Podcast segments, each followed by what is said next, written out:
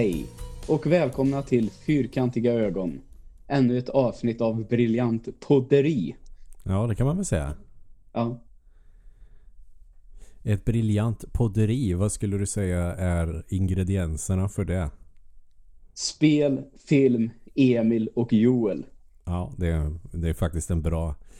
Eh, Joels tokiga fantasi och roliga berättelser och min extremt barnsliga humor kanske är en bidragande faktor också. Verkligen. Du, jag känner nu, eh, jag har en ny mikrofon som vi testar här nu idag. Jag har köpt en egen nu äntligen. Mm. Och vet du vad jag känner nu när jag sitter så här eh, vid mikrofonen? Att det här popfiltret som jag har, Mm. det blir lite statiskt så det kittlar i skägget. Ja, det gör Ja, det det här är inte så... Har, man, har du... Eh, är det sånt hårt popfilter att det är typ metall hela skiten eller? Eh, nej, men ändå så känner jag att det blir lite så här. Om jag lutar mig för långt fram. Aldrig tänkt på det förut. Men det är för att Nej, det var ju tyvärr, det var ju illa. Men jag har inte micken riktigt så långt ner kanske att jag nuddar popfiltret med skägget. Nej, okej. Och det är nu vi bidrar med briljant podderi när vi pratar om hur man nuddar popfiltret med skägg. Ja. Det är säkert jättekul att lyssna på. Ja. Så, jag är lite hostig också. Ja, ja, det är sånt som händer i dessa tider. Får hoppas att det bara är hosta helt enkelt. Ja, men det tror jag. Jag känner... Ja, du vet, man är lite hängig och sådär och övertolkar varenda lilla symptom man har. Man blir ju jättenöjd jo. Verkligen. Men jag känner mig ju pigg och så. Så att jag jobbar ju även om jag gör det hemifrån. Men det går bra. Jag körde intensivt idag nu när det är mitten på maj månad. Då jäklar är det högt tempo som gäller. Ja, det kan jag verkligen tänka mig. Eh, Det som är så jävla absurt, du vet. eh, Jag tyckte redan från början, alltså februari det är en jävla pissmånad varje år. Liksom. Mm. Men eh, den kanske var extra seg den här gången. Och så när den äntligen tog slut så kom vi in i mars och det blev värre med corona och skolorna stängde och hela det här. Så kommer jag ihåg att eh, jag sa det då till några på jobbet att ja, eh, de tror att corona kanske lugnar ner sig i maj i Sverige. Och Mhm. då sa, de, då sa de det till mig, men Joel, fan, mm, det är fortfarande mars.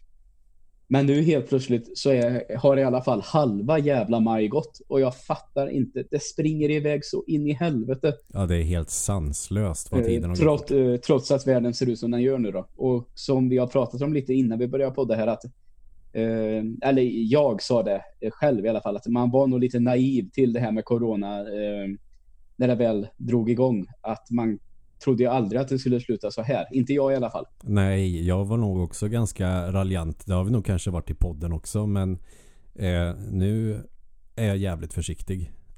Eh, samma här. Eh, på något sätt eh, ett eget uppvaknande för mig. Det var eh, tyvärr faktiskt, eh, får man väl säga, att eh, Adam Alsing avled.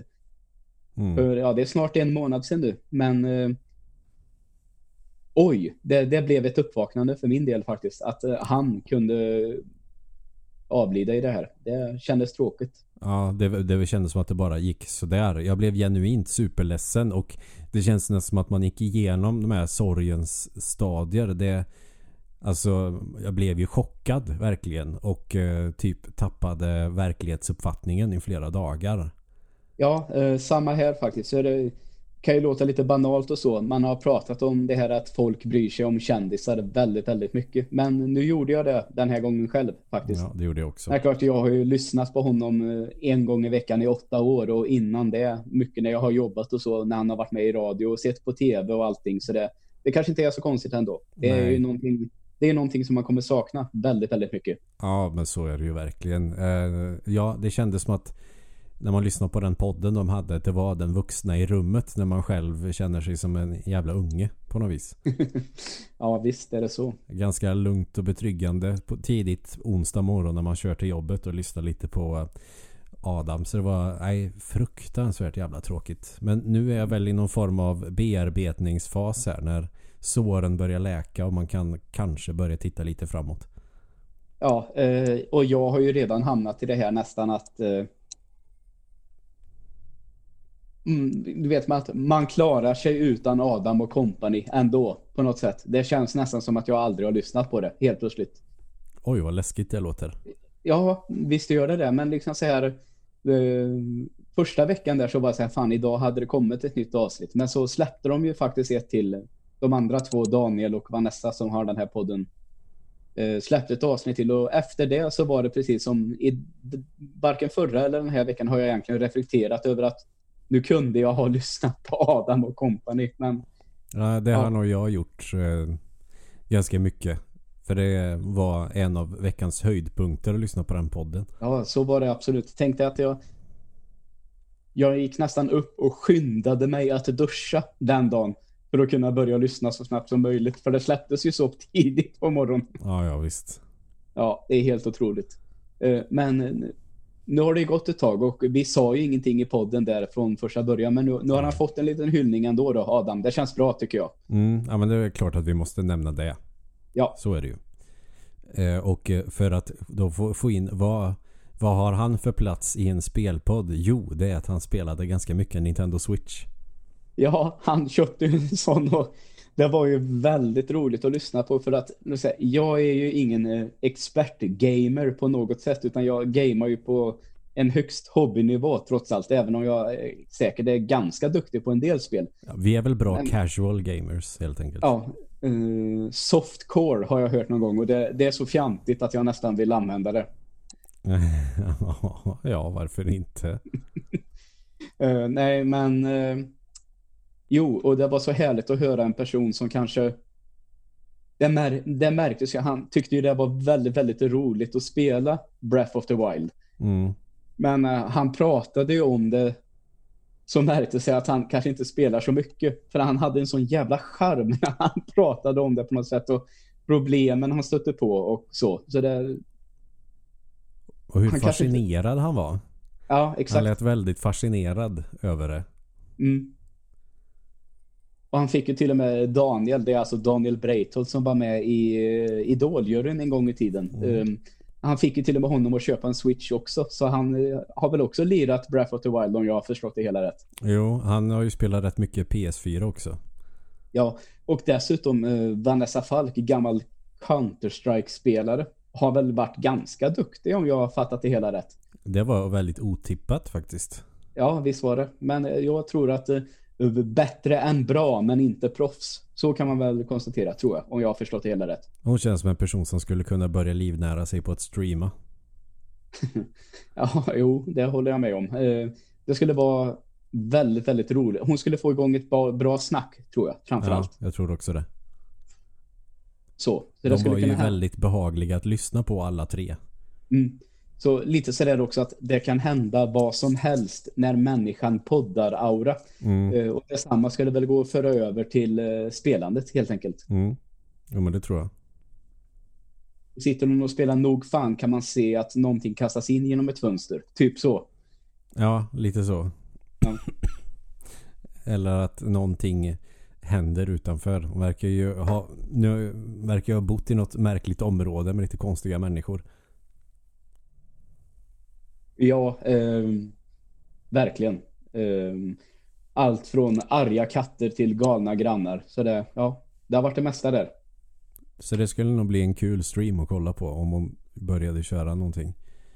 Verkligen. Som Fredrik Wikingsson skulle sagt. Ja, just det. Ja, nu sitter vi bara och refererar till en massa andra poddar hela tiden. Vi kanske ska eh, gå vidare helt enkelt. Är det någonting Absolut. som du har kört nu den senaste veckan som du vill nämna? Uh, ja, jag sparar lite på spelandet för jag tror att vi, det glider in i ämnet vi pratar om idag så jag mm. uh, håll, håller på det lite. Uh, jag vet att jag nämnde den för ett par veckor sedan att jag hade börjat att titta på en serie som heter Fleabag. Mm. Uh, och den hade jag egentligen sett klart redan förra veckan men vi, vi gick på ämnet ganska snabbt då så det blev ingenting men serien Fleabag, eh, brittisk serie. Eh, finns på Prime Video som alltså är Amazons streamingtjänst. Mm. Och jag kan säga att det var länge sedan jag garvade så mycket åt en serie faktiskt. Åh fan. Riktigt jävla rolig. Mm. Um, och jag vet inte om du känner till henne. Hon har ju varit lite i ropet. Hon spelar både huvudrollen och har regisserat och skrivit. Hon heter ju Phoebe Waller-Bridge. Ja, jag är dålig på namn vet du. Ja, ja, ja. men i alla fall. Eh, hela bakgrunden till serien är egentligen att hon körde en, jag kan nästan kalla det för enmansteater slash stand-up show. Eh, där hon spelade igenom det här. Och sen har de, eh, ja, Prime Video tillsammans med BBC gjort en serie av det hela. Mm. Uh, och den har verkligen varit jättebra. Så jag vill rikta ett tack till Matilda som tipsade om den också. Som, uh, och jag var väl lite tveksam först, men du vet, det var en sån här serie. Det har gått fem minuter. Så inser man att det här kommer jag gilla. Fan vad gött sånt är. Och så är den ju så här, du vet, uh, det är lite typiskt för brittiska serier. Det är både The Office och Fawlty Towers för att ge två exempel på brittiska serier som bara sträcker sig över två säsonger och inte speciellt många avsnitt. Det är samma med den här. Det är två säsonger och tolv avsnitt. Och eh, vad det verkar så har hon inga planer på att göra mer utan den, den ska vara slut eh, så som säsong två slutade helt enkelt. Mm. Ja, det är... Näst, nästan så jag känner nu att jag, jag egentligen om eh, och ut, verkligen utan att spoila någonting så känns det som att den är egentligen Samtidigt som att den är hur lätt som helst och egentligen bara fortsätta med. För det finns det känns lite hårt att kalla det lösa trådar, men alltså det finns möjligheter att fortsätta. Mm. Och sa samtidigt så är det ett sånt perfekt slut. För man är lite i ovissheten. Och man kan få tänka ut själv hur det kommer att gå för den här personen. Mm. Det är häftigt faktiskt. Det kan vara en stämningshöjare faktiskt att ha den typen av slut. Att det inte behöver vara så finit. Även om det är tvärslut. Mm, exakt. Och eh, som sagt var, eh, också jag vill höja ett finger för att det var väldigt, väldigt bra skådisar också. Bland annat, eh, eh nu du varit dålig på namn så, eh, Olivia Colman eh, fick en Oscar här om året för den här filmen The Favourite. Mm, ja. Um, hon var också briljant i en väldigt, väldigt vidrig roll skulle man väl kunna säga. Men hon gjorde den väldigt, väldigt bra. I serien nu då? Ja, ja, ja. Hon The Favourite såg jag för några veckor sedan. Ja, i serien. Utan, och hon är naturligtvis inte vidrig som person om det uppfattades som det. Utan eh, rollen Nej. hon gör. Ja, karaktären. Ja.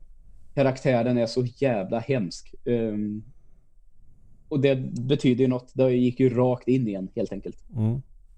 Så eh, eftersom det bara är 12 avsnitt, jag tror du får nio dagar gratis Prime Video. Så eh, är ni sugna där ute så tycker jag att signa upp er för det och sen eh, se den.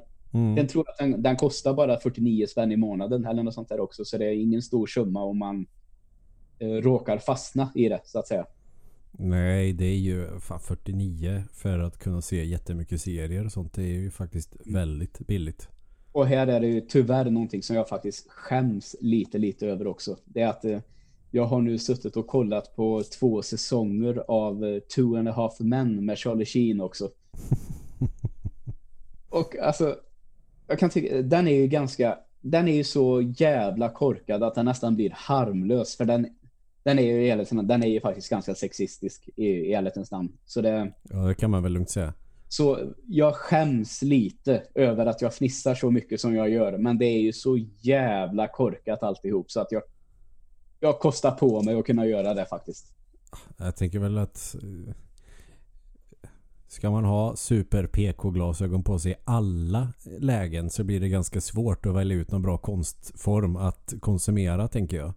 Ja, för alltså ty tyvärr, och det kanske är min barnsliga humor då, men jag, jag, jag skrattar liksom åt när den här, hans bror där, Alan, han ska, han känner att hans förhållande har liksom gått i stå lite. Det händer inte så mycket.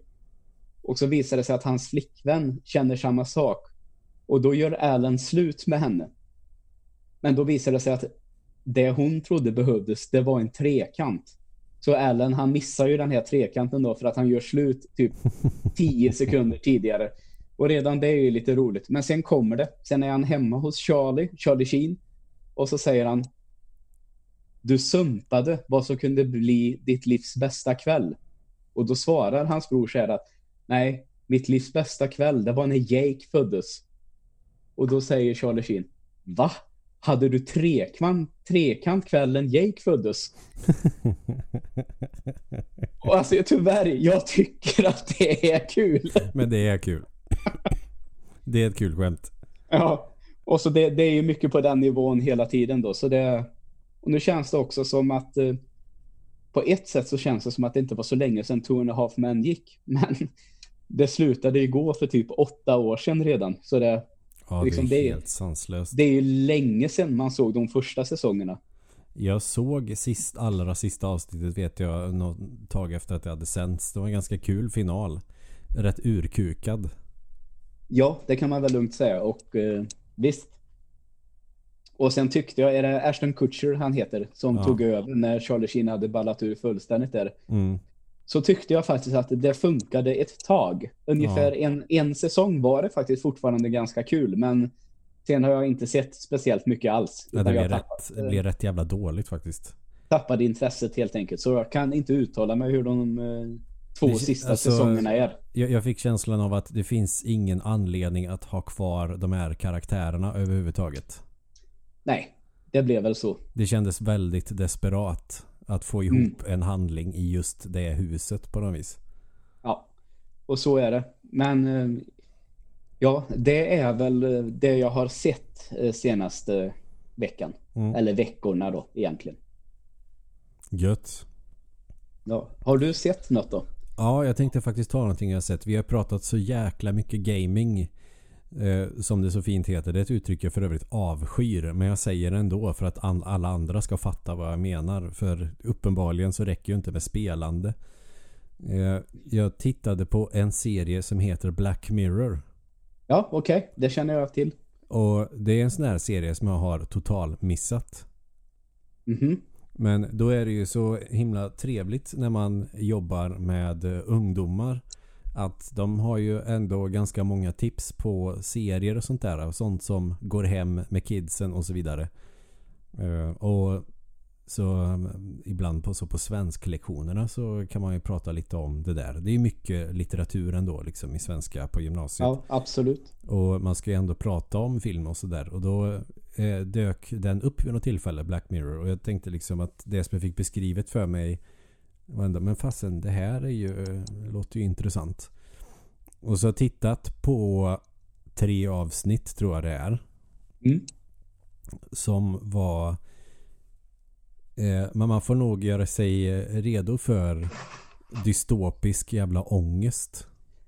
Mm. Eh, Jag tror att det är den här jag har hört om att den, den ska ta några avsnitt och komma in i. Är det någonting du känner igen? Nej, jag, fa- jag fastnade direkt. Ah, okej. Då kanske det är något annat jag tänker på. Det, är- det är ju en antologi. Ja, precis. Så att eh, man kan ju se de här avsnitten i vilken jävla ordning som helst. Alltså i den första säsongen så börjar ju med sista och sen eh, jobbar mig fram till första avsnittet. Som jag nog Mhm. tycker är eh, det bästa och det som jag fick mest ångest av. Och då kan man undra Okej. varför, varför tittar man på någonting som man får ångest av? Jag vet inte, men det är någonting med dystopier som är väldigt tilltalande. För det känns ju som att det säger ganska mycket om tiden vi lever i. Och att eh, tänk på att eh, så här kan det bli om det här kukar ur. Mm. Så kan man ju beskriva en dystopi. I framtiden om vi inte fixar det här då kommer det balla ur och då blir det så här. Men det, det som jag tyckte var starkt med, jag tror det är första avsnittet, en kille som bor typ i en kub där allting är en stor tv-skärm. Det låter ju rätt härligt i och för sig. Ja, men och sen så har han en avatar också och så ser man att han har 15 miljoner krediter. Och för att få mer krediter så måste han sätta sig på en motionscykel och bara trampa.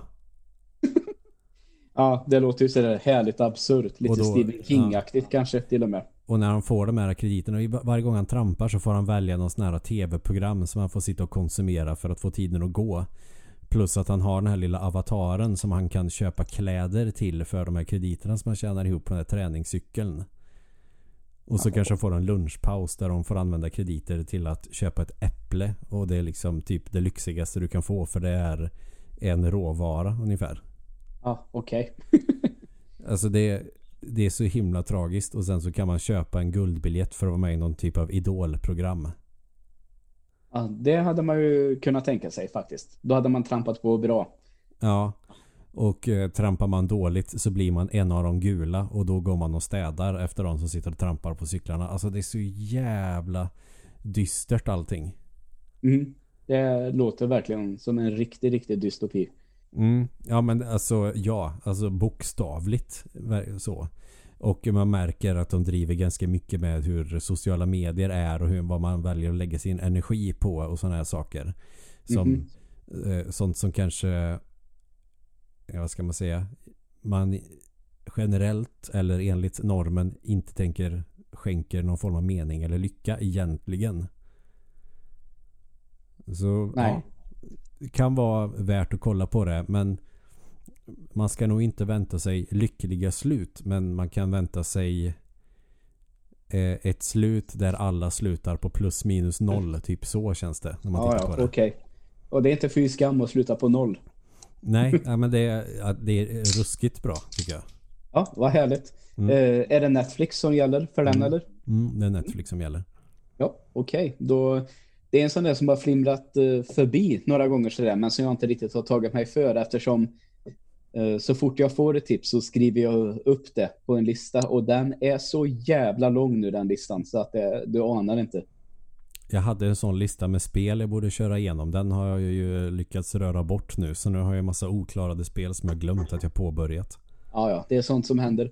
Nu har jag i alla fall eh, lovat ganska många uh, personer oberoende av varandra att jag ska kolla på den här uh, dokumentären om Michael Jordan som finns på Netflix. Mm. Och den kan nog vara bra faktiskt. Det är väldigt många som har talat gott om den. Mm, ja, jag, jag är nog fast lite sugen på det också. Jag ja, vet, gillar ju vi, sånt. Ja, vi borde ju vara, ja, borde vara i samma ålder höll jag på att säga nu. Men eftersom vi är i samma ålder så borde ju Michael Jordan varit lika stor för dig på skolgården som den var för mig där på 90-talet.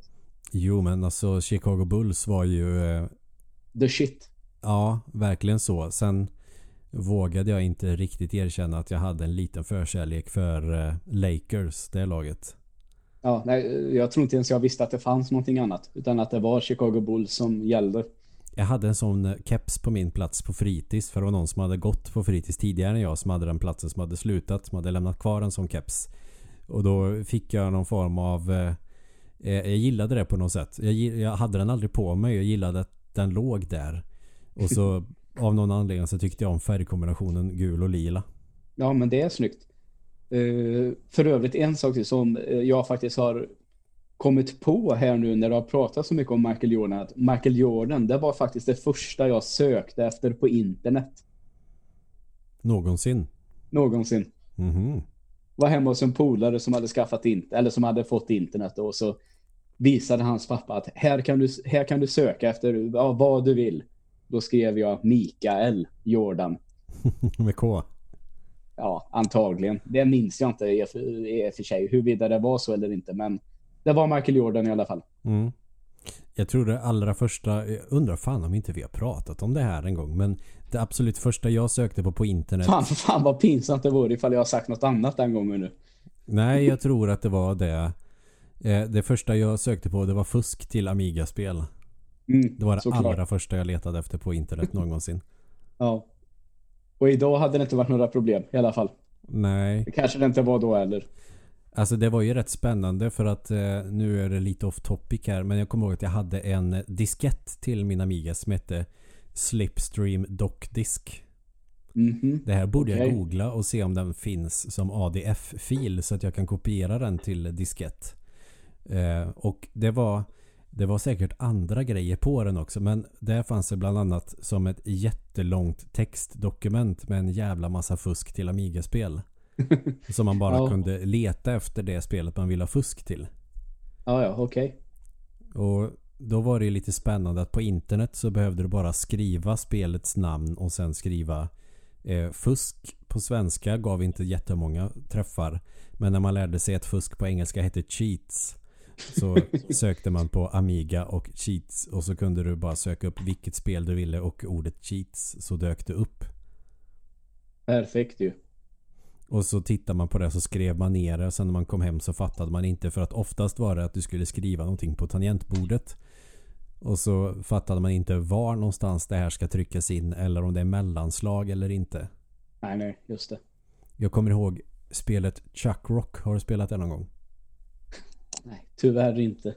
Då är det eh, titelskärmen är ett band som spelar. Mhm. Och då ska man skriva turn frame. Så får man Okej. välja bana. Aha, okej. Och sen finns det ett svinlångt fusk. Eh, nu tar jag det direkt från huvudet. Eh, för det kommer väldigt spontant. Så att jag kan ha fel i det. Men jag tror att koden för att bli odödlig är She loves cleaning windows. Allt det Ja. ska du skriva. ja, okej. Det var sådana där grejer man kunde hitta på internet eller på Slipstream dockdisk. Så det var en fantastisk upplevelse att göra Ja, det. Jag köpte ju förstår massa jag. gamla Nintendo-magasinet bara för att komma åt fusksidorna. ja, såklart. För det fanns ju få saker som gjorde en så jävla kunglig på skolgården som när man kunde hemliga koder på spel. Ja, verkligen. Eller när jag visade hur man kom till världen minus ett i Super Mario. Ja, det är klart att du gjorde det. Ja, då jävla var man kung. Ja, det förstår jag. Med all rätt får man väl ändå säga. Ja, men vad fan. Kommer man med en sån grej, då ska man fan vara kung. Annars är det något fel. Mm, det finns en hemlig värld i Super Mario. Visste ni det? Va? Nej, nu ljuger du. Nej, jag kan bevisa det. Och så är det en vattenbana som eh, aldrig tar slut. Ja, men ändå. Så, men nu eh, har vi ju kommit långt ifrån det vi ska prata om på ett sätt. Men jag tänker också det här med Michael Jordan dokumentär och sånt. Det händer ju ibland att det känns som att alla har sett eller tagit del av någonting och så har man själv missat det. Ja, ja, absolut. Så är det ju. Det har det- hänt ganska många gånger. Får man väl ändå erkänna för sig själv. Mm, jag, jag kom på ett dussintal förut men så fick jag sitta förut innan vi började spela in bara nej men jag måste sålla det här så att det inte blir antingen någonting som känns irrelevant eller någonting som blir alldeles för kortfattat eller någonting som eh, vi har pratat om förut och eh, för min del så kommer det nog bli en del vi pratat om förut när det kommer till spelen men sen har jag skrivit ner några filmer för att jag vill nog försöka vinkla lite mer åt filmhållet för min egen del när vi har pratat så Mm. mycket spel de senaste veckorna. Ja, ja. Det, jag köper det. Fan. Eh, känner du att du ville börja med en film som du, som du upptäckte sent då? Eller hur känner du? Ja, det kan vi absolut göra. Detta var bara för någon vecka sedan. Nu, nu satt jag ju och spelade lite spel samtidigt som vi tittar på den. Men det är en sån film som har varit i min närhet på något sätt eh, jättelänge. Jag kommer ihåg att vi hade en, en VHS där titeln på filmen stod handskriven på etiketten på den här Fujifilm-kassetten eller vad kan det ha varit. Och Fuji-kassetter, ja. Ja, Och där stod det Poltergeist. Och pappa sa att den filmen den är så hemsk så att du kommer att drömma mardrömmar ända tills du blir stor eller något sånt där. ja. Så då har den ja varit... då, blev, då blev man ju inte mindre sugen. Nej, jag, blev ju det som jag var livrädd för allt när jag var liten. Ja, ja, okej. Eh, Så den blev liksom svartlistad i huvudet och sen har Mm. den liksom försvunnit där någonstans i det undermedvetna. Mm. Du ska alldeles strax få fortsätta, men jag, jag måste plocka upp en liten tråd här. Ja men gör Jag det. kommer ihåg att kan det ha varit när man gick i fyran, när man var så här 9-10 där någonstans. Och han har i alla fall börjat att se lite actionfilm kanske. Börjat att se lite mer än bara Disney typ. Mm. Kommer ihåg att då hade man också fått upp känslan för att, att det finns någonting som heter skräckfilm. Och man hörde lite rykten av sexorna och sådär. Eller någon som hade någon jävla bror som hade fått se någonting. Och det var någon film med någon som hade en motorsåg och en mask för ansiktet och lite sådär. Och så frågar man, kommer du ihåg, jag frågar farsan om de här. Och det har ju smugit fram senare att farsan älskar ju skräckfilm. Men farsans approach var till det här. Det var bara, men Joel, glöm de filmerna. De är inte bra. Men någonstans där Joel 9-10 år fick ändå en känsla här att pappa ljuger nu. Så jag blev ju bara mer och mer intresserad. Jag tror att han skulle sagt Ja Joel, de filmerna är jävligt bra. Men du får vänta några år. Då tror jag att jag hade köpt det. Än att han skulle försöka att tala om att det bara var skit. Men man gör väl sitt bästa som förälder kanske i den Ja, situationen. ja, men jag tänker så som din pappa faktiskt gjorde då. Ser du den här kommer du drömma mardrömmar tills du blir vuxen. Det kanske är något sånt. Kanske hade varit bättre än min Ja. farsa också gjorde. Men, det, men det sjuka var att eh, jag såg på ganska många blodiga och rätt råa filmer även när jag var eh, väldigt liten. Typ 7-8 där någonstans. Men eh, då fick jag lära mig en bra strategi av mamma och det var när det blev äckligt eller otäckt så för att filmerna kunde ju vara intressanta för säga att det är en thriller eller någonting och när det börjar bli liksom läskigt så bara ja du kan blunda nu. Okej, nu, är det, nu är det läskiga över. Nu kan du titta igen. Och det Ja. funkade. Jag gjorde ju det. Men sen fick jag ju en fäbless för det ju äldre jag blev. Så när jag var 10-11 där så jag gillar ju blodiga filmer. Vi brukade alltid kolla på Predator. Den var ju liksom den var högst av alla liksom av eh, eh, adrenalinkick man får av film och eh, Starship Troopers tror jag också vi nötade hur många gånger som helst. Mm. Jag såg ju faktiskt de här eh, att eh, farsan kanske inte har varit så farlig men mamma hon har ju alltid varit lite sådär 15-årsgränstänket. eh, så det, det dröjde nog ganska länge innan jag fick se en del filmer faktiskt men det, Men jag kan tycka Visst. att det finns ändå någon rimlig tanke bakom det. jo det är klart att det gör och sen vet jag inte, alla kanske ljög men det var ju jävligt jobbigt att vara den enda i klassen som inte hade sett Terminator 2 så mycket kan jag ju säga Ja, okej. ja. Mycket film eh, hittade jag ju och kollade på själv. Eh, för när jag var 11 så fick jag en egen VHS-spelare inne på mitt rum. Mm. Och då Men kunde jag hade- bara plocka kassetter som jag hade hemma och titta. Ja, ehm, såklart. Har det någon skillnad? Du hade brorsor också kanske? Eller en bror också kanske? Hade Mm. kanske också hade viss betydelse. Det hade inte jag. Ja, han spelade ju in rätt många filmer på Filmnet och de här eh, betalkanalerna som fanns då. Ja. Filmnet, ja. En gammal eh, klassiker. Ja, det blev Kanal Plus sen. Mm. Men nu. Du har ju nu förstått, ja. Nu har jag förstått att du har sett Poltergeist då. Ja, och om jag jämför med andra filmer som jag såg runt den tiden eh, så kan jag ju säga att Poltergeist var nog eh, ganska mild. Jag tror jag såg eh, till exempel filmen Braindead första gången jag var 12. Eh, Ja, det är alltså Sagan om ringen-killens eh, splatterfilm. Peter Ja. Jackson. Precis. Så om, om jag, nu har jag kollat på Poltergeist när jag är eh, 33. Den var ju mysig bara. Ja, jag, eh, jag tycker om Poltergeist, får jag ändå säga. Jag Ja, tycker att den har några sådana här eh, scener som är väldigt eh, lite sådär, det här, den här tv-scenen när hon pratade in i tvn där det, det är lite sådär rysningar ändå tycker jag. För att jag tycker att det är en väldigt, väldigt bra scen. För den är lite i brist på bättre, den är väldigt creepy på ett härligt sätt tycker jag. Mm, när hon sitter och pratar med Myrornas krig där och man hör Ja. ingen motröst som svarar på Nej. eller som ger henne frågorna som hon sitter och svarar på. Det är eh, jävligt effektfullt faktiskt. Mm. Det är också sen- där, Men det är ju en scen tänker jag på han som tittar i spegeln. Vad är det han gör? Riv, river av sig ansiktet eller något sånt där.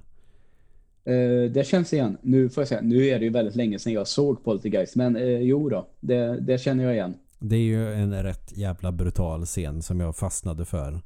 Som jag tänker att ja, det här kan jag förstå hade varit läskigt att se. Men fan vad jag hade gillat det här när jag var 11-12 där någonstans. Ja, det, det är ju en viss skillnad förstås. Kommer ihåg att eh, på den här tiden, eh, då var jag väl lite äldre förstås, men då brukade faktiskt SVT köra, om det kan ha varit på typ tisdagar, onsdagar, så körde de veckans skräckfilm på sommaren. Så då vet jag att jag var ju ledig då, så jag låg eh, på soffan i mitt lilla rum där och där jag hade en liten, liten tv och kollade på skräckfilm på somrarna. Mm. Så då såg jag många av de här gamla klassikerna, bland annat den här. Mm. Ja men jag är glad att jag såg den nu. Ja, det förstår jag. jag.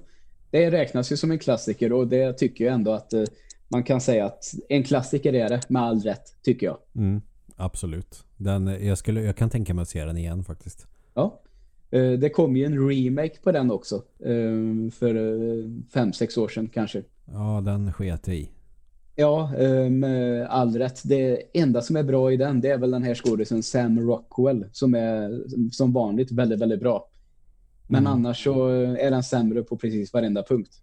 Det är synd för att jag har fått en lite ändrad uppfattning med remakes på senare år eh, som är lite mer positiv och det är du vet när det finns bra saker som eh, man tänker att en yngre generation har missat som de man skulle kunna ta del av för att det håller bra. För jag tänkte på det nu när de ska släppa remasters som ser mer ut som remakes faktiskt på Tony Hawk, de två första spelen. Ja, exakt. Att det, att det är ändå ganska bra spel och tvåan tycker jag håller rätt bra idag vad det gäller kontroll och spelbarhet och sånt. Mm. Eh, men det är också det här, är det värt att skaffa en PS1 eller Dreamcast eller vad det nu kan vara för att spela det spelet? Nej, då kan det vara ändå rätt schysst att släppa det till en ny konsol. Och det gör ju inget om det ser ut så att det stämmer med dagens eh, standard. Nej, verkligen inte. Så där har jag fått en ändrad uppfattning lite grann faktiskt. Något som jag faktiskt skulle kunna tänka mig att skaffa. Det, ja. Om det var lite den här samma känsla som att det var någonting det snackades väldigt mycket om på skolgården. Med, det var ju egentligen samma veva där. Kanske inte just det första och andra spelet, men det här med Tony Hawk och skateboardspel kom lite samtidigt som Jackass tror jag. Så liksom ja, det, verkligen. Allt det där blev stort i och med det. Allting kom på samma gång på något sätt. Jag köpte street, äh, street Skater, det första köpte jag på Q8 på en rast när jag gick på högstadiet. Eh, för 200 spänn eller någonting och tyckte det var skitkul tills någon sa Va? Street Skater? Har aldrig spelat Tony Hawk? Det är så jävla mycket bättre. Eh, och så skaffade jag tvåan och spelade skiten ur det. Ja, oh, fy fan. Det var rätt trevligt faktiskt. Mm. Eh, däremot så skulle jag blivit lite ledsen nu för jag såg precis på ett forum här att eh, det är typ en privatperson som har eh, eller vi får se väl hur det går men det är en, en ensam själ som har suttit och gjort ett helt alldeles nytt skateboardspel för att det saknas ju skateboardspel på marknaden nu för tiden så jag har gjort det här. Det ska vara som Tony Hawk var när de var som bäst. och en vecka senare, bam! Alltså det måste ju ändå... Det, det kanske kan bara höja hans spel i och för sig. Alltså ja, att, det kan nog att fler får upp ögonen för det. Ja, så det är ju antingen eller. Men jag tänker så här att... För det är ju ingen remake utan det är ju ett helt nytt spel och det kanske man suktar lite efter då. Speciellt men, eh, de som har spelat Tony Hawk tidigare. Mm, men så kan jag, jag, kan tänka så här då. Tänk uh, ungefär uh, så jag kan tänka lite att det blir. Tänk om det hade inte kommit uh, något Super Mario efter Super Mario World typ. Mm. Och så börjar du utveckla ett plattformsspel som ska, ah, det här ska vara som Super Mario World. Liksom när mm. Mario mm. var som kanske allra bäst. Och då kommer det här Super Mario till 2D som kom till DS. Ja, det kommer News. Åh, oh, fy fan. Ja. Ja men alltså det känns ju lite så ändå. Det är klart att kan, andra kan få upp ögonen för ditt spel då också. Men om man bara kan välja ett, vilket fan väljer man? Lite så. Mm. Ja då väljer man kanske det, det, stora framför någon indie-person. Ja. Sen ska man inte underskatta som folk som gör saker helt på egen hand. Nej för fan, det har ju kommit underbara indiespel de senaste åren. Så ja. det... det känns som att indiespelen är var en bra motvikt till de här superkomplicerade och eh, jättestora spelen som typ EA och Activision släpper. Och mm. det är också en liten throwback tillbaka till den tiden då det kunde vara en person som satt och utvecklade ett spel i eh, evigheter och som kändes jävligt unik. Eh, Another World är ju det bästa exemplet i världen och någonsin på det. Mm. Det skulle vi kunna ägna ett helt poddavsnitt åt så att jag pausar mig själv där. Bra. Och jag menar, vad fan, jag har suttit och spelat 60 timmar Stardew Valley nu senaste månaden. Så det är klart att det... Mm. Ja. Och för den delen Minecraft får man väl eh, nämna i förbifarten här nu ja, bara. Oja, Lite så. Oja. Ja, men du, du var nöjd med Poltergeist då i alla ja, fall? Ja, jag tyckte den var supermysig. Mm. Perfekt. Nu är det din tur. Ja, eh, och nu vet jag att vi kanske har pratat mycket spel den senaste tiden, men jag flickar ändå in med ett spel här nu som ja, eh, jag blev klar med. I, om det var i slutet på förra veckan eller i början av den här, det ska jag väl låta vara osagt, men det är precis nu i alla fall. Eh, och eftersom jag har varit först Nintendo-kille, sen lite PC, sen Playstation, så har jag ju missat en hel del Xbox. Men nu Mm. när jag sitter här med en PC-burk igen så tänkte jag att jag kan väl ta några guldkorn som har kommit på Xbox och varför då inte börja med det som förändrade och satte Xbox på kartan, nämligen det allra första Halo. Mm. Eller rättare sagt då Anniversary Edition, så det är lite upphottad grafik och sådär. Men det är samma spel i alla fall. Ja, exakt. Det är bara grafiken, eh, tror jag, som är skillnaden. Mm. Eh, någonting som är väldigt häftigt i det, det är att eh, om man trycker på tab så kan du alltså på en millisekund byta till originalgrafiken. Mm. Vilket eh, kan tänka, hur stor skillnad kan det vara? Alltså jag tycker att, alltså de kan säga, det här, det var väl inte vrålsnyggt med dagens mått mätt. Så jag tänkte, fan det kan ha sett ut så här på en Xbox kanske. Men nej, så var det ju inte. Utan det är ju faktiskt rejält mycket snyggare texturer och mycket mer detaljer i omgivningen och så.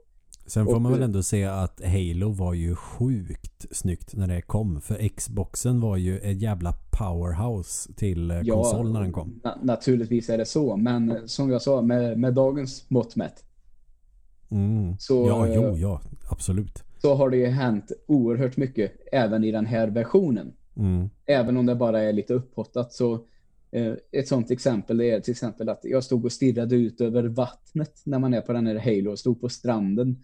Och i den eh, här Anniversary Edition då så ser man lite, lite öar längre bort, lite flå, fåglar som flyger förbi och så vidare. Och så tryckte jag på tab en gång och då var det liksom bara vatten. Och så såg man den här halon breda ut sig i bakgrunden. Mm. Eh, Så jag tycker att de har gjort ett bra jobb. De har liksom inte eftersom de bara har lagt till lite sådana detaljer så de, tycker jag inte att de har förstört känslan som ändå finns i första Halo med grafiken. Utan det, Ja, det, det, var ändå jättebra. positivt. Ja, Eh, verkligen. Men du som ändå har spelat PC, om man tänker förr i tiden, om du försöker ta på dig eh, retroglasögonen lite grann. Hur tycker du att Halo står sig mot andra spel som släpptes eh, under samma era?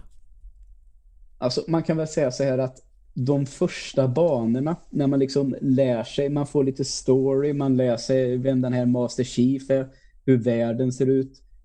Då tyckte jag att det var ganska så här generisk shooter. Det var lite aliens, de var inte speciellt svåra att skjuta ihjäl. Mm. Nu spelar jag på en lätt svårighetsgrad då, bör väl tilläggas. Eh, så först tänkte jag så här, det var till och med så att jag kände så här. Det känns lite gammalt. Var det inte mer än så här? Exakt så kände jag när jag spelade eh, Halo när det kom till PC.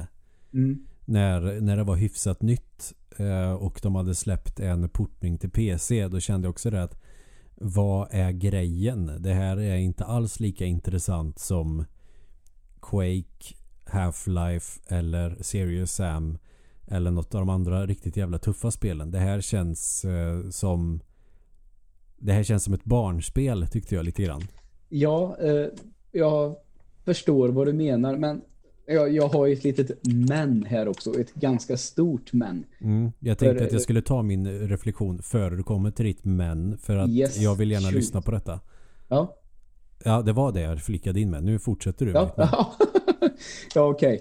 Eh, Men så kom jag till ett uppdrag. För man slåss, man slåss ju från början mot de här The Covenant, som är den här rasen man slåss emot.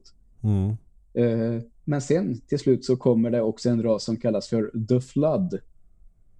Som liksom tar över kroppar. Lite, tänk dig nästan som xenomorfer i eh, Alien-filmerna. Att man får någonting på skallen och sen så tar de över din kropp. Det är som i Half-Life. Ja, eller som i Half-Life. Och när vi nådde dit i det här spelet, då tyckte jag att kvaliteten höjdes ett, två, tre, ja, fyra snäpp. Då tycker jag att uppdragen blev riktigt, riktigt roliga att köra. Då jag ett, med. jag tycker att det blev ett helt annat driv i Halo när man nådde dit. Mm. Så i slutändan så kan jag ändå säga så här, och särskilt då när man slåss både mot de här robotarna, Covenant och The Flood samtidigt på vissa banor, så det, då är det ju faktiskt ös i alltihop också. Mm. Så då tycker jag att eh, det blev riktigt, riktigt bra. Och då kan jag säga, då förstår jag framförallt då när det kom vad hela grejen var. Då har jag faktiskt gått miste om en jävligt bra spelupplevelse då.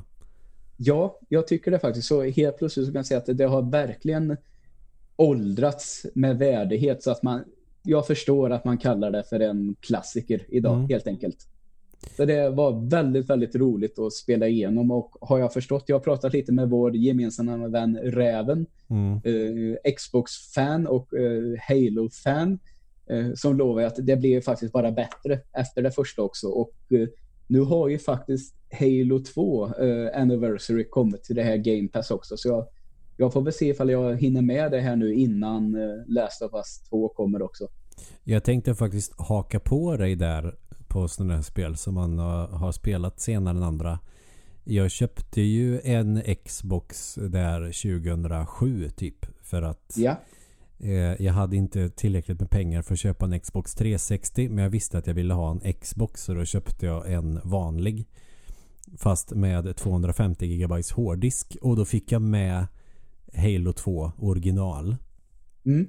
Och tänkte att ja, det kanske är dags att lära sig att spela FPS med eh, med handkontroll. För att jag yes. för, för, att för mig, eftersom jag är uppvuxen med det, så är det här med att spela spel är på ett sätt att sitta i soffan med en handkontroll. Mm. Sen är jag såklart väldigt, eh, var väldigt tidig med att spela dataspel. Jag spelade ju för fan VIC-20 när jag var liten. Det, ja, det. har jag väldigt eh, svaga minnen av. Men jag kommer ihåg att det var något katt och råtta-spel i alla fall. Eh, till VIC-20. Så att, visst, jag är uppvuxen med dator också. Men inte kanske på det sättet. Utan det var mer eh, arkad eller plattformspel som man ändå spelade med en joystick på dator. Men VIC-20 det är en Commodore va? Ja, det är en jättegammal Commodore. Den var nog fan ja. gammal när jag spelade på VIC-20. ja, okej. Okay. Pappa hade en sån tror jag. Men det enda minnet jag har från den var det katt och råtta-spelet. Jag tror man är en råtta och så, som är blå och så ska man racea mot röda råttor och så finns det katter man ska akta sig för också. Väldigt minimalistisk grafik ska väl tilläggas. Mm. Jag kanske hittar det på något eh, sätt och så kan jag spela det på min C64 som är den eh, eh, mini-varianten fast jag har den i naturlig storlek. I alla fall eh, då tänkte jag väl att det är väl adekvat då att försöka lära sig att spela FPS-spel även om det inte är mus och tangentbord. För jag gillar ju ändå tanken på att kunna spela den typen av spel med en kontroll. För det kändes ju så himla avlägset. Eftersom jag inte riktigt skärmades av eh, Goldeneye på sin tid. Så körde jag Halo 2 och eh, efter mycket kämpande så lärde jag mig då att styra gubben med vänster styrs bakåt, sikta med höger. Och jag måste säga Halo 2 tyckte jag var skitkul. Mm. Och eh, körde det två player. ja, det går ju att göra det också. Det är ju grymt. Mm. Så Halo 2 skulle jag ju säga är riktigt bra FPS.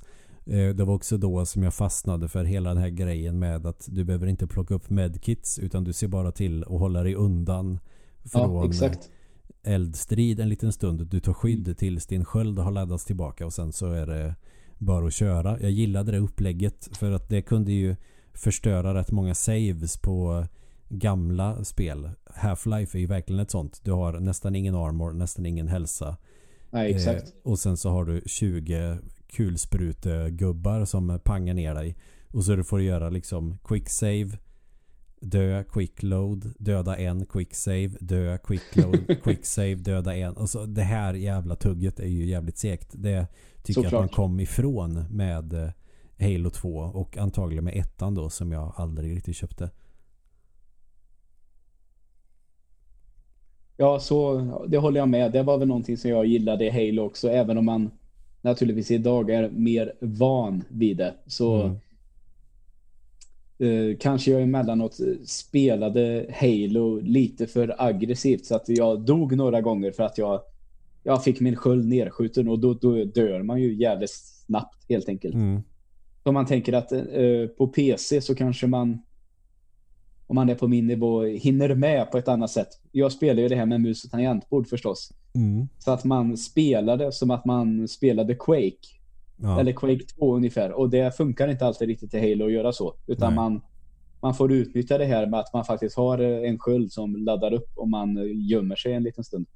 Det är ju faktiskt också en sån grej som gör Halo speciellt nu när du nämner det. Det är inte det här, inte bara in the fray och panga sönder allting utan du måste vara jävligt försiktig också. Ja, I Half-Life Och- måste du vara försiktig också men det dör du ju asfort oavsett hur du gör. ja exakt. Men just i i det här, det var väl det här man pratade om att det tog FPSen till en, till P, eh, från PC till konsol helt enkelt. Mm. Och ett sätt var väl att göra det och dra ner på tempot en aning helt enkelt utan att det förstörde spelupplevelsen och det lyckades ju Bungie jävligt bra med. Ja, det kan jag hålla med om. Nej men Xbox tror jag nog fascinerade mig på samma sätt som Sega Mega Drive eh, fascinerade mig en gång i tiden. Det var inte på den sidan jag stod eller vad man ska kalla det. Ja, jag men förstår. det fascinerade mig för jag kommer ihåg en polare hade köpt Xbox när han var ny. Ja. Och han eh, kunde sitta liksom i, var, i tv-rummet och eh, sitta och liksom casual mys spela fucking Morrowind. Det Ja, tänkte jag det. liksom att oj jävlar vad coolt. ja, och det får man säga, det är det ju faktiskt. För det var liksom som PC-spel på konsol. Mm. Det var helt sanslöst. Så det är väl en sån där grej som jag kände att jag ville komma ikapp med när jag köpte min första Xbox där 2007. Långt efter att den var aktuellt. Den var aktuell. Ja, just det. Ja, men det är bra. Har du något mer som eh, du har upptäckt eh, senare än alla andra? Eh, nej, inte direkt. Det tror jag inte. Just så nu. Eh, du får gärna ta någonting emellan faktiskt. Mm. Om det är okej. Jo, ja men när du ändå pratar om det här med i skolgårdar eller skolkorridorer kanske det var mer sen när man blev äldre. Eh, och eh, om man då som jag har ägnat större delen av mitt liv åt att lyssna och spela hårdrock så är det en sån grej som kommer med subkulturen på något vis att eh, gilla skräck och eh, splatter och sånt där. Ja. Man pratar mycket att eh, var man riktigt jävla hardcore så kunde man käka pizza samtidigt som man kollade på filmen Guinea Pig. Eh, vilket jag inte skulle, Åh! vilket jag inte skulle rekommendera någon. Guinea. Pig-filmerna, det finns ju typ hur många som helst och de är ju helt absurda allihop. Ja, jag vet. Det är inte de jag ska prata om dock. Men det var liksom det här. Det, det, det finns med. Alltså lyssnar man på Cannibal Corpse så texterna är ju splatterfilm i musikform. Det är hela Ja, ja verkligen. Corpse. Verkligen. Så att eh, då kände jag ändå att jag var jävligt långt efter alla andra när jag såg filmen Bad Taste. Ah, okej. Den har vi redan nämnt i förbifarten här idag va? Eh, nej, det var, det var Brain Dead. Det var Brain Dead. Aha. Bad, Bad Taste kom före. Men det är Ja. samma snubbe. För jag och en polare hade varit på konsert i Göteborg på Kåren. Ja. Och kollat på Paradise Lost, ett jävla bra band. De hade släppt en ny platta där. Så 2005 var det. En jävla bra konsertlokal också för den typen av Ja. eh, band. Ja, jag såg Morbid Angel eh, där samma år tror jag. Och jag har sett Blind Guardian där en gång i tiden. Mm. Bra, bra konsertlokal. Men i alla fall, sen åkte jag med eh, honom till Långed. Mm. Samma natt faktiskt och sov över där. Eh, sen skulle jag med någon buss då till Åmål. Eh, som inte gick förrän på eftermiddagen. Och då så här, Ja, ska vi slå ihjäl lite tid? Vad gör vi? Ja, men vad fan. Har du sett Bad Taste? Nej. Och då är det, va? Har du inte sett Bad Taste? Då har du fan missat någonting. Så Ja, då kollar vi på då kollar vi på Bad Taste. Så det kändes som att nu är jag i kapp de flesta. För jag hade ju ändå sett eh, den Meet the Feebles och eh, Brain Dead. Mm. Så man hade ju sett ändå några filmer av eh, han, vad heter han, Peter Jackson. Peter Jackson ja. Men den mest klassiska av dem hade jag då antagligen hade jag alltså missat och då var det ändå ganska skönt att få med den i de här tre klassiska filmerna. Så då kollade vi på Bad Taste och jag kan säga att eh, det var fullständig njutning i hela filmen från början Ja till herregud, slut. det, först, det förstår jag verkligen att det var. Och hur jag eh, vred mig av smärta och fascination Att när de spikade den här snubben i hälen i början av filmen. ja, det finns många härliga klassiska scener ifrån den. Det kan man väl lugnt säga. Det är en sån jättekonstig grej. Det, ju, det, känns ju logiskt på något sätt om man gör en våldsam film där det flyger huvuden och armar och ben och sånt för att det finns något krigiskt i det. Men ja. att hamra en spik in i någons häl ja, är, det, det, är verkligen bara ont på ett så himla märkligt sätt. Ja, ja men det är någonting med hälen. Alltså det, ja, jag vet inte vad det är, men precis. Det är någonting som bara verkligen är ont, ont, ont. Mm. Ja, det är, så det, det, är en av de starkaste scenerna jag kommer ihåg. Och att eh, det var så härliga effekter på det praktiska effekter som man använde på ett snyggt sätt. För att det här var väl en film som de spelade in på helgerna i typ fyra års tid eller någonting. Ja, jag har hört något sånt också. Och han gjorde ju de här maskerna till de här zombiegubbarna själv i morsans ugn. ja, du hör, det, det här är filmkonst på allra högsta nivå. Verkligen. Det, ja, för jag tycker ändå att det finns någonting jävligt fint i att någon är sjukt passionerad och eh, finansierar helt själv att göra liksom en film och att de praktiska effekterna är sånt du kan hitta hemma i köket mer eller mindre. Eh, och då är det en sån scen som har snygga praktiska effekter. Eh, sen får man ju tolka vad jag menar med snygga praktiska effekter hur man vill. Men när, när de står typ som i en ring och så är det en som spyr i en stor skål. Mm. Och sen så skickar de runt den och folk börjar äta ur den helt hysteriskt. Ja, visst är det mysigt. Någon grön musli-blandning eller vad fan det var. Men det är också sån här märklig, bizarr scen som man bara tänker att det finns liksom ingenting som bygger till den här. Den här scenen har ingen betydelse för handlingen på något sätt. Den bara visar att karaktärerna är jävligt sjuka. Exakt, exakt. Jag håller med. Så det är, ja, det är de grejerna som jag kommer ihåg bäst som jag tyckte var så jävla spännande med den filmen. Ehm, jag har faktiskt inte sett den och mer sedan dess.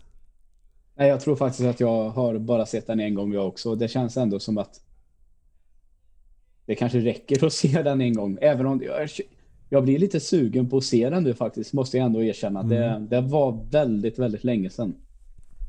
Det är ju en klassiker som heter duga. Verkligen. Och ja, nej men eh, lite så här sunkiga praktiska effekter och splatter eh, tycker jag går så jävla bra ihop på något vis. Jag tycker att det är så jävla mysigt. Ja, eh, jag håller med. Cannibal Corpse, splatter, hårdrock i allmänhet och ja, allt det där. Mm. Ja, det är underbart. Jag gillar verkligen inte våld i verkligheten. Det, det avskyr ja, Nej, det gör väl inte jag heller. Men i film och spel så fucking älskar skiten. Mm. Då du, har du spelat de här någon gång? Är det Splatterhouse de heter? Mm. lite, hur är de egentligen? Jag har bara sett lite sådana här Youtubers eh, dra igenom dem. Olika så Är det några spel att ha? Ja, tvåan är skitkul. Ja. Det har jag i och för sig bara kört en gång men jag lyckades ta mig igenom hela den gången och hade jävligt roligt när jag körde det. Ja, det är bra kämpat. De ska väl vara relativt svåra om jag har förstått det hela rätt. Jag vet inte. Jag tyckte inte det var så fruktansvärt svårt.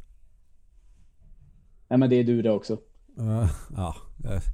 Uh, ja. Ja. Bra på spel, det var så jag menar. Alltså. Jo, casual bra på gamla spel är jag väl. Eftersom jag är en casual gamer. Jag, jag sitter ju inte och kör speedruns och gör sådana där grejer. Ja, nej nej. Men det är väl extremt. Men du, du, är, du är ju riktigt bra på de där spelen. Jag vet att uh, jag hade laddat hem någon sån där jävla emulator någon gång och du rekommenderade några spel som skulle vara så jävla roliga och jag dog till höger och vänster och ja, i alla fall. Du är inte uppvuxen med sadistiska 8-bit-spel, det hör jag göra. Det är jag inte. Det kan ha med det att göra. Antagligen. Så. Men annars då, ja, varsågod. Nej, jag ville bara säga bad taste. Se den. Jag vill bara avsluta med det. Gör så. Eh, det här kanske inte är så, men jag vet att vi har ju en film båda två som vi faktiskt inte har sett än. Mm. Som vi inte ens har upptäckt, eller ja, vi har upptäckt den väldigt, väldigt sent utan att ha sett den, kan man säga så? Jag, jag, har, eh, jag har känt till den eh, alltid. Alltså, Och- och, sen eh, tidig tonår så har jag ju känt till den. Skulle väl egentligen bara säga att det är bara den här filmen som jag har kvar med den här regi- regissören. Men jag ska flicka in med en liten annan liten sak här nu innan bara. Och det är, kommer ihåg en gång, eh, det var när de här Pirates-filmerna kom. Mm, mm. Eh, så blev det så att jag såg ju rätt mycket film redan på den tiden. Men av någon jävla anledning så hade jag inte sett den första Pirates. Och tiden gick och tiden gick. Och helt plötsligt så blev det så att jag skulle gå på bio på den andra. Mm. Biljetten var bokad och allting. Men så blev det så här. Fan, jag måste kanske se första. Går den att köpa?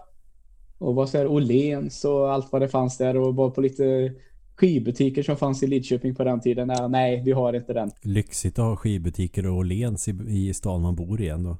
Ja, eh, det var på den tiden det. Skivbutiken är borta i alla fall, tyvärr. Vi hade ju för sig en skivbutik i Åmål, eller en musikaffär där de sålde skivor. Det var ju LT Musik. Aha, okej. Eh, legendarisk eh, bland Åmålsborna i alla fall. Så var du hade du nära till Megahertz också kanske? Ja, ja, megahertz så fick man ju eh, kosta på sig de gångerna man var i Karlstad. Mm. Där brukar jag brosa bland hårdrocksskivorna i timmar. Ja, det förstår jag. Men i alla fall. Eh, så när jag hade gått igenom de affärerna som sålde filmer i stan så blev det ju att eh, man fick åka runt och försöka få tag i någon som kunde hyra ut den jävla filmjäveln. Men det var inte det lättaste. Men till slut så fick jag tag i den jävla Pirates-filmen. Så jag såg den dagen innan jag såg uppföljaren på bio. Mm. Och då var jag, alltså nu pratar vi inte om tiotals år senare än alla andra. Men det kändes verkligen som alla jag kände, alla på skolan, hade sett den där stackars jävla Pirates-filmen som jag hade missat. Mm. Men nu, det, det ordnade ju upp sig den gången. Den filmen såg jag faktiskt på DVD 2004. Mm. Hemma hos en eh, skolkamrat. Och eh, jag somnade ifrån den. Ja, det är klart att det gjorde. Den motsvarade verkligen inte hypen. Jag var så jävla besviken. Ja. Återigen, konstigt. Ja, jag vet. Jag är helt sanslöst. Ja, ja, Jag köpte, jag köpte ju inte Sagan om ringen-filmerna heller. Så det är ju något fel på mig. Det är ju, det är ju sådana filmer jag vill gilla. Men som, eh, men som inte riktigt får adrenalinet att pumpa. Nej, nej. Det, så kan det vara ibland. Mm. Det behöver inte vara mer med det än att eh, ibland funkar det inte det som funkar för de flesta andra. Och det, ja. Det har ju hänt mig också. Vi pratade om det förra veckan till exempel. Ja, ja men det, det, det är bara att acceptera att det inte är eh, min grej. Ja, så är det. Men den här gemensamma filmen som vi har då. Ja, som, har, som vi definitivt har sett efter alla andra eftersom vi inte har sett den än. Men den har Ja. varit på en sån här, den här måste jag se-lista. Den filmen var det någon, jag tror det var 16 eller någonting, där de sa Va? Har du inte sett den? Det är väl ungefär samma för mig då. Och när var jag 16 år? År 2002 fyllde jag 16. Mm. Och jag då 03 måste det ju bli. Det är ganska länge sedan. Och det är Ja. fortfarande så. Fan, har du inte sett den? Nej, det är Jag- helt bisarrt. Och så har det varit varje gång den har kommit på tals. Bara, va? Har du inte sett den? Nej, och jag, alltså, jag, tror till, jag tror till och med att jag har den på Blu-ray här hemma. Men har inte sett den. Och eh, det finns ju verkligen ingen anledning för mig att dra ut på det. Eh, det jag- jag har några sådana filmer också. Eh, Exorcisten är en sån film. Mm. För först eh, när jag var liten ville jag inte se den för att den var läskig. Nu vill jag inte se den för att den inte är läskig och att jag skulle tycka att den var tråkig. Samtidigt som att det finns ingen risk att jag skulle tycka att den är tråkig eftersom när jag kollar på alla fredag den 13 filmerna som fanns då när jag var 18 så tyckte Ja. de var fantastiska. Så den här filmen eh, eh, Exorcisten borde jag verkligen också försöka få tummen ur röva och se. Men den som du och jag inte har sett det är ju för fan Clockwork Orange. Det är helt Ja. jävla sinnessjukt att vi inte har sett Mm. den. Och så, så jag sa, jag tror att jag har sett samtliga filmer av Stanley Kubrick utom den här som många säger är den bästa.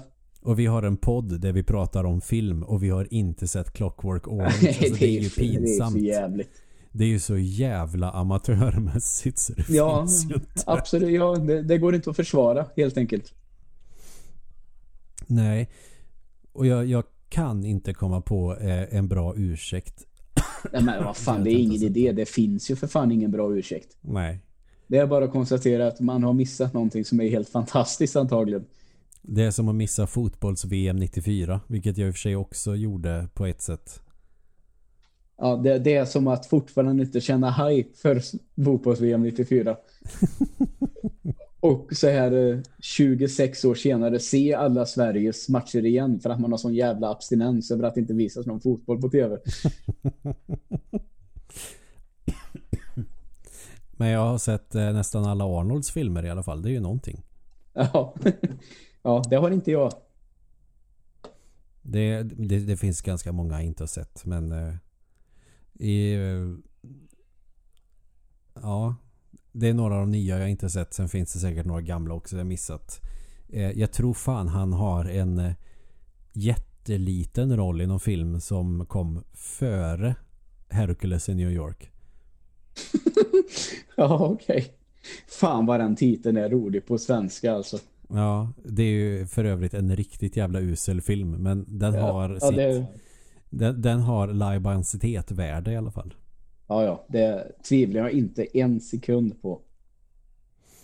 Nej, så Clockwork Orange och jag vet inte, det, nu har ju den filmen blivit så jävla upphypad för mig. Och jag tror att det är också skälet till att jag inte har sett den. Att den är så fruktansvärt hypad. Mm. Att jag vill ha ett sånt speciellt tillfälle när jag ser den. Mm. Men alltså, nu måste jag bara säga, visst handlar det det handlar om en gubbe som odlar apelsiner och byter batterier i klockor. Ja, det är väl något sånt. Ja, jag tror det. Det, den är väl ganska närbesläktad med den eh, boken James och jättepersikan tror jag. Ja, det tror jag också att den är. Ja, det, det är klart att det är inte jättetilltalande när man tänker jaha, är det... Ja, okej. Men alla säger att den är cool så då får man försöka se den. Mm. Apelsinurmakaren. Apelsinurmakaren, ja. Eh, har du någonting mer som du tänker på som är kul att nämna? Fan, du vet, man, man tappar tråden lite nu när man sitter så här bara. Men... Eh, nej, men alltså ett sånt spel som man skulle kunna nämna så här att jag avfärdade ett spel som Minecraft väldigt, väldigt länge. Som, ja, det gjorde liksom- jag också. som ingenting för mig. Men så slutade det med att en snubbe som vi jobbar med på den tiden som heter Anders. Eh, hans son hade fått upp intresse för att spela lite så han frågade mig Fan, eh, min son där hemma han har intresse för att spela. Har du lirat något Minecraft eller? Och då sa jag nej, det har jag tyvärr inte gjort. Och den söndagen så installerade jag det och satt med och byggde i sju timmar i sträck. Eh, Så där någonstans, så det var ju också så här, jaha, det var det här det var. Minecraft var ju verkligen the shit där. Vad var det? Typ 2011 eller något sånt där? Ja, vet du, det är redan så många år sedan. Det är egentligen helt otroligt. Men det, fan, det är redan länge sedan han sålde den, Marcus. Eller vad han nu heter. Det var ju Minecraft och Game of Thrones som var liksom the shit. Jag missade båda två. Game of Thrones så har jag bara läst första boken än och, och kommit en bit in på andra. Eh, sen ska jag se serien. Jag ser jättemycket fram emot att se serien nu. Så det kommer väl Mm. någon gång när jag har en helg. För det, för det, inte för att vara den, men det, det känns ju som att det var tio år sedan du började läsa första boken. Men det var nog det också. Ja. Så du kommer, du kommer vara klar att se serien när du är typ 50 år. Det är nog den här fantasy-grejen som jag tror att jag gillar men inte riktigt eh, får med mig på något sätt. Nej, eh, nu vet jag inte hur mycket du har uppfattat om hur den här serien avslutade så, men Ja, jag har Eh, ingen fram- aning. eh, Men man kan säga att eh, stora delar av serien är ju faktiskt helt fantastisk och eh, någonting som jag verkligen, verkligen rekommenderar. Ja, ja men jag är jättehypad för att se den så att det ska bli kul att sätta tänderna i den när jag känner att det finns tid för det. Kanske nu på sommarlovet. Ja, Kanske en bra tid. Men eh, mm, Minecraft dröjde ett tag innan jag spelade också. Jag skaffade det ändå vid den tiden. För jag tänker att ja, ja, men om, om det här nu är en sån stor titel som alla kör nu så måste det på ett sätt betyda att det är bra. Och eh, jag tyckte det var skittråkigt första gången jag spelade det. Mm. Jag fattade inte grejen alls. Jag tyckte det kändes fullkomligt jävla meningslöst. Jag älskade grafiken.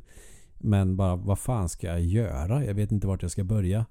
Sen dröjde det nog en tre fyra år. Och jag eh, skaffade det på min PS3 tror jag. Ja. Och då var jag tvärfast. Ja, du ser. Det kan vara det som behövs ibland. Byta Mm. plattform, bli lite bekvämare. Det här soffhänget som du pratar luta sig tillbaka i en fåtölj slash soffa med en handkontroll i näven. Så kan det räcka för att eh, det ska kännas bättre. Ja, det gör jättemycket för min del. Nej, så Minecraft var definitivt ett sånt spel som jag spelade långt efter alla andra. Mm. Känns det som i alla fall. Ja, samma för mig. Tror jag Och jag testade med, ja. det på min, min iPhone när jag köpte den också. Men det var, funkade ju sådär. Ja. Nej, det måste ju varit 2015 någonstans då som jag testade första gången. Mm. 2014 då kanske för min del. Ja. Och jag vet inte om det räknas som långt efter. Men det kändes så. Hypen hade ju dött ut lite grann. Ja, framförallt så kändes det som att eh, många jag kände hade testat det. Så det, det är det som blir avgörande för min del. Att man säger att man var låg lite efter. Mm. Ja, du, vet du vad? Det är ju sjukt spännande att tänka på såna grejer. Ja. Vad är det? Jag tyckte det var så härligt att du lutade dig ganska långt bort från micken men det hördes som att du rapade rakt in i micken. Ja, jag har inte det. Den, den har ju någon sån jävla... Den fångar ju upp ljudet ifrån en här konisk... eh, Ja, det var väl därför. Ja, rumsvis kanske. Ja. Men alltså jag har ju fler saker på min lista men eh, jag tycker fasen att det räcker så här. Och så får vi väl helt enkelt bakläxa i eh, Clockwork Orange. Men jag, jag känner ju ändå att jag måste ha någonting högtidligt för att jag ska ta mig an den. Ett speciellt tillfälle. Alltså verkligen så här ha rosenblad och eh, små värmeljus i sängen eh, aktigt för att eh, jag ska ta mig an den nu. För nu är den så högt upp på den piedestalen att nu, nu får den fan inte vara dålig alltså. ja. Nej, det... Ja, men det kan den inte vara. Nej. Han har inte gjort i stort sett någon dålig film, Stanley Kubrick. Så vad fan skulle den här vara dålig för? Jag skulle eh, faktiskt, eh, för jag vet ju vad den handlar om så. Eh, om det är någon som inte riktigt uppfattat att vi skojar förut med apelsinurmakan så tänker jag att det här är ju någonting som jag egentligen borde använda i psykologin. Okej? I exemplet om klassisk betingning. Mm. Varför då- inte? Ja. Så långt vet jag ju och jag kan ju inte stå och dra Clockwork Orange referenser i klassrummet om jag inte har sett skiten. Nej, såklart inte. Då är man ju så noob man bara kan bli. Mm. Du, nu måste jag bara flika in eh, med en grej här i podden. För eh, jag sitter här med dubbla skärmar nämligen. Eh, Mm. Så kom det upp en nyhet från Aftonbladet här nu. Och jag bara, jag måste bara ta upp det här. Mm. Då är rubriken så här. Dr. Alban hyllar Tegnell i ny coronalåt. Stabil, rak och rationell. Gör om 90-talshitten Tio små moppepojkar. Är det sant? Ja, så, så fort vi säger tack och hej, knyter ihop säcken, så måste jag lyssna på det här. Så enkelt är det. Ja, då får vi ju skynda oss då. Nu knyter Ja. vi ihop säcken. Tack för att ni har lyssnat. Ni får jättegärna höra av er om det är något spel eller någon film som ni såg eller spelade efter alla andra. Eh, Så är vi jättenyfikna på vad det kan vara. Och med de Såklart är vi det. Ja, och med de orden säger vi tack. Tack, tack.